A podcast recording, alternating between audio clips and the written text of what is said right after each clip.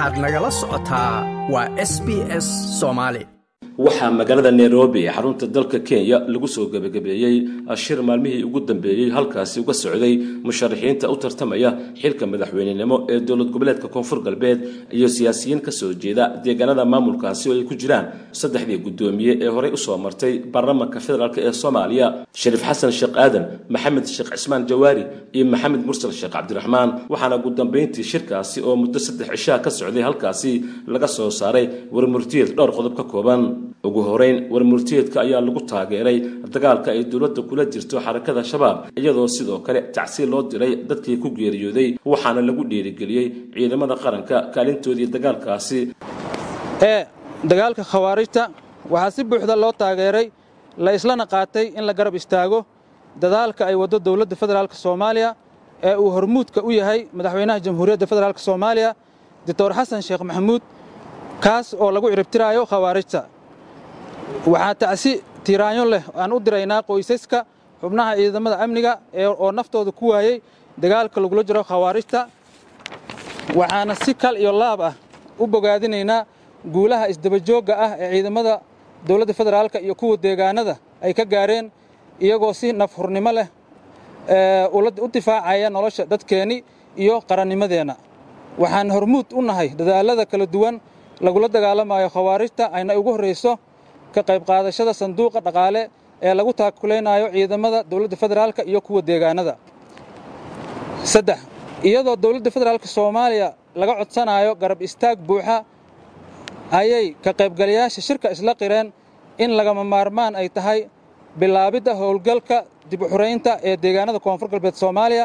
lana abaabulo shacabka deegaanadaas si la mid ah sida dowlad goboleedyada kale ee dagaalka khawaarijta uu ka socdo. Muddoxileedkii maamulka koonfur galbeed ayay sheegeen in uu dhammaaday laba kun iyo labaiyo labaatankii waxaana maamulku ku fashilmay ayay yidhaahdeen in uu la dagaalamo al-shabaab iyagoona madaxweynaha maamulkaasi ku eedeeyey in uu u hoggaansami waayey fulinta heshiiskii bishii februari ee sanadkan ay kula galeen magaaladaasi baydhabo maadaama la joogo siday yidhaahdeen xilligii lagu ballamay in koonfur galbeed laga qabto doorasho loo dhan yahay taasoo aanan muuqan diyaargarowgeedii siday yidhaahdeen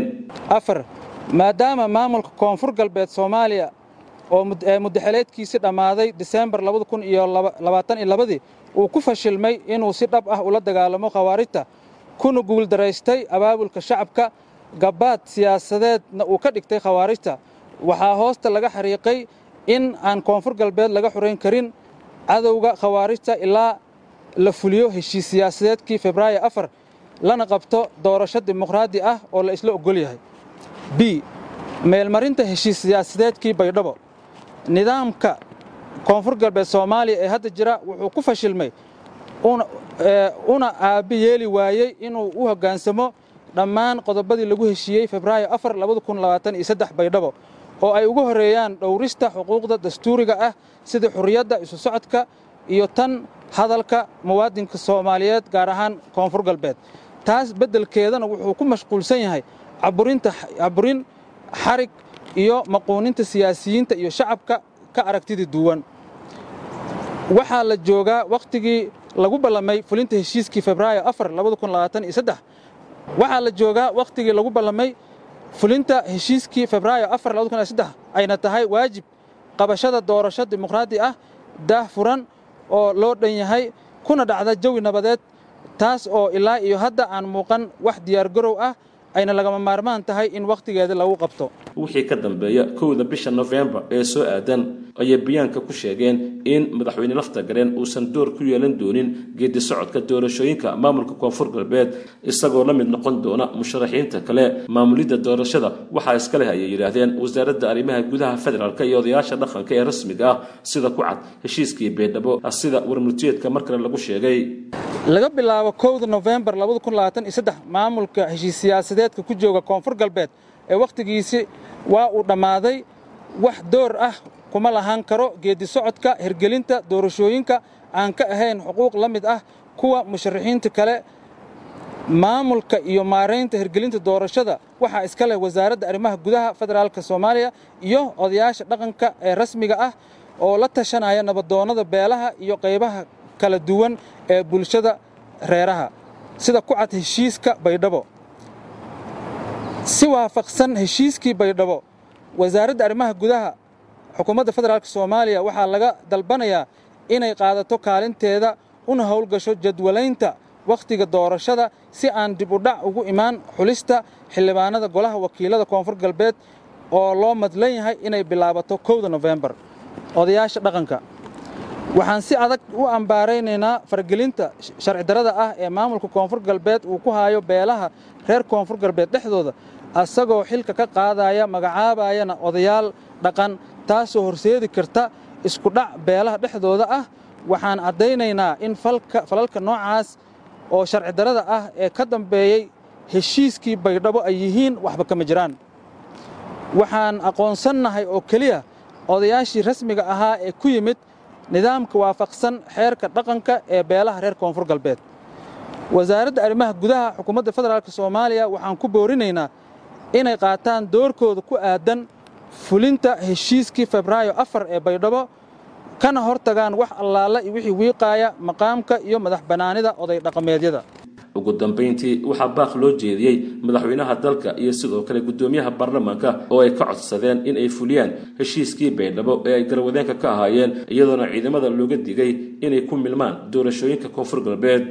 Waxaan ugu baaqaynaa dowladda federaalk soomaaliya inay qaadato mas'uuliyadda ilaalinta iyo fulinta heshiiskii baydhabo ee ay garwadeenka ka ahaayeen madaxweynaha jamhuuriyadda federaalk soomaaliya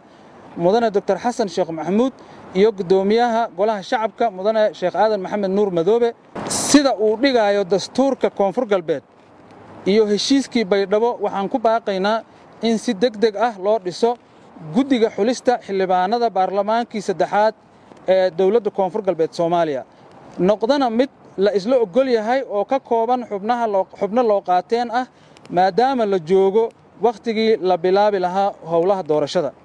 waxaan bogaadinaynaa noocyada kala duwan ee ciidamada amniga heer federaal kuwa deegaanka koonfur galbeed soomaaliya iyo ciidanka nabad ilaalinta atmis. Dadaalka joogtada ah ee ay ku sugayaan amniga shacabka reer koonfur galbeed waxaanse uga digaynaa kumilanka arrimaha siyaasadda xilliga kala guurka ee doorashooyinka. Waxaan u mahad celinaynaa saaxiibbada beesha caalamka ee taageerada joogtada ah siiya soomaaliya gaar ahaan deegaanada koonfur galbeed soomaaliya waxaan ka codsanaynaa in kaalinta kaga aadan ay qaataan doorasho wakhtigeeda ku dhacda dimuqraadi ah oo daah furan si waafaqsan dastuurka koonfur galbeed iyo heshiiskii baydhabo febraayo like aas la wadaag wax ka dheh lana soco barta facebooka ee sb s soomaali